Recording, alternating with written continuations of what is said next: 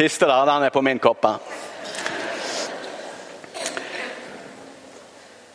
Jeg skal eh, lese til dere fra Matteusevangeliet. Fariseerne sendte læresveinene sine til Jesus, og de sa Si oss hva du mener. Er det rett å svare skatt til keiseren, eller er det ikke? Men Jesus merka vondskapen og sa, Det hyklere, hvorfor setter meg på prøve? Vis meg mynten som skatten skal betales med. De gav han en denar. Hvem har bildet av navnet sitt her? spurte han. Keiseren, svarer de. Da sa han til dem, så gi da keiseren det som hører keiseren til, og Gud det som hører Gud til. Da de hørte det, undret de seg, og de let han være og gikk sin vei. Slik lyder det hellige evangeliet.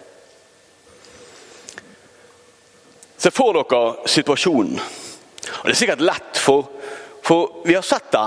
Vi har sett det på TV mange ganger. Med politikere som er på TV.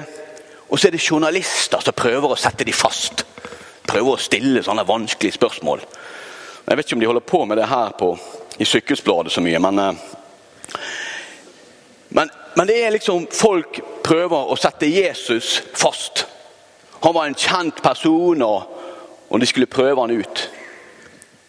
Og Situasjonen er jo den at eh, romerne har okkupert Jødeland. Og de er der med soldater. Og denne her, så det de, det de spør Jesus om, det er ikke bare svar, da. Det er viktig for dem. Hvordan skal vi forholde oss til okkupasjonsmakten? Jesus han gjør noe genialt. Han sier Gi meg den mynten som vi betaler skatten med. Så ser han på mynten, så det er bilde av keiseren. Men det står noe mer der.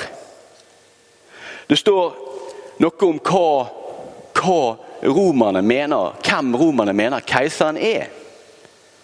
Det står Guds sønn, høyeste prest. Og når Jesus sier 'få se mynten', som du betaler skatt med. Så leter de i kjortelen sin, og så finner de han. De bruker altså dette merket som sier at det er ikke Gud som er Gud.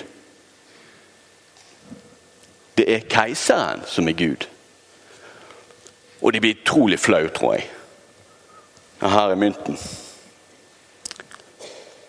Og så sier Jesus ok, men keiseren han bygger sikkert veier.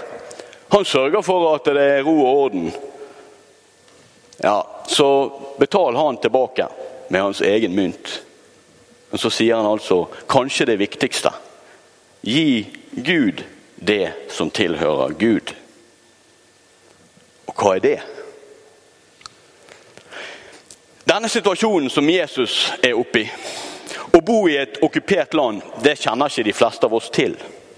Men noen av dere levde når det var krig i Norge. I 1940 kom det en fremmed makt inn og tok landet vårt. De okkuperte oss. Og hva med Jesus sine ord da? Ja, gi til tyskerne det tyskerne skal ha. Gi til Hitler det han skal ha. Og gi Gud det han skal ha. Nei, jeg vet ikke. Det der ble grådig vanskelig for mange. Hvordan reagerte Kirken og prestene? Det blir sagt at, eh, at eh, det var en som ville sjekke. Hvordan preker presten når, når tyskerne har overtatt landet vårt? Hvordan preker han? Hva sier han i preken sin? Så satt han og noterte. Og det han noterte, var litt om synd, litt om nåde og litt fra forrige søndag. Business as usual skuffende.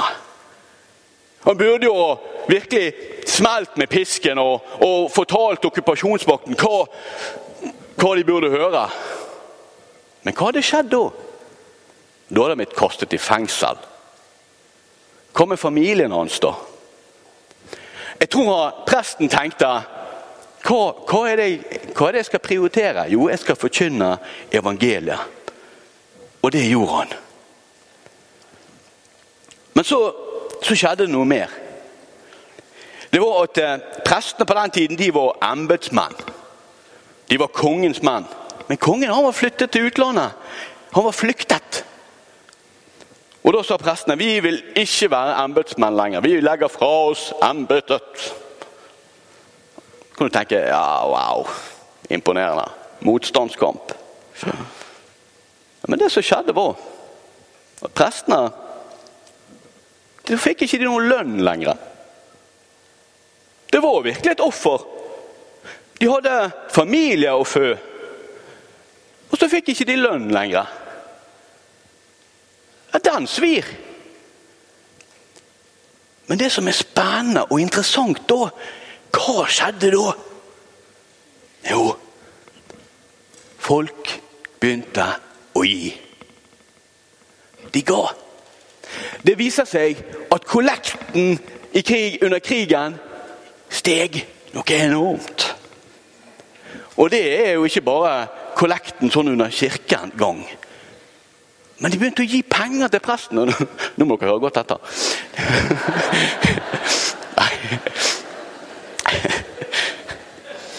Men det, det, var ikke lov å gi penger til presten, så de ga konvolutten til klokkeren. Prestekonen fikk mye penger! Nå må du høre etter, frue. Prestekonen fikk mye penger.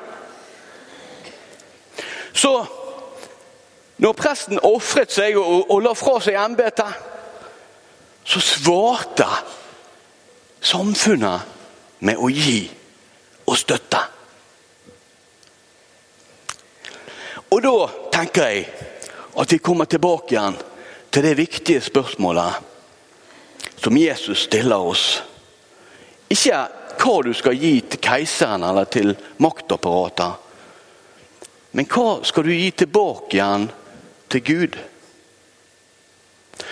Og da må vi spørre oss hva er det da Gud gjør som vi skal gi tilbake? Hva gir han oss?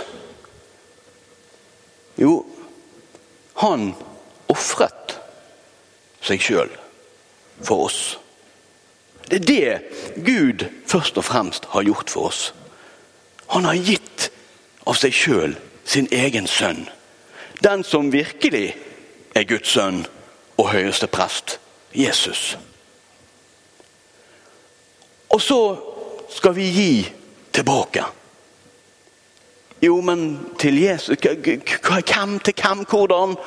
En teori? Er Gud en teori? Gud sier at han ikke er en teori. Men han sier at han er i de minste blant oss.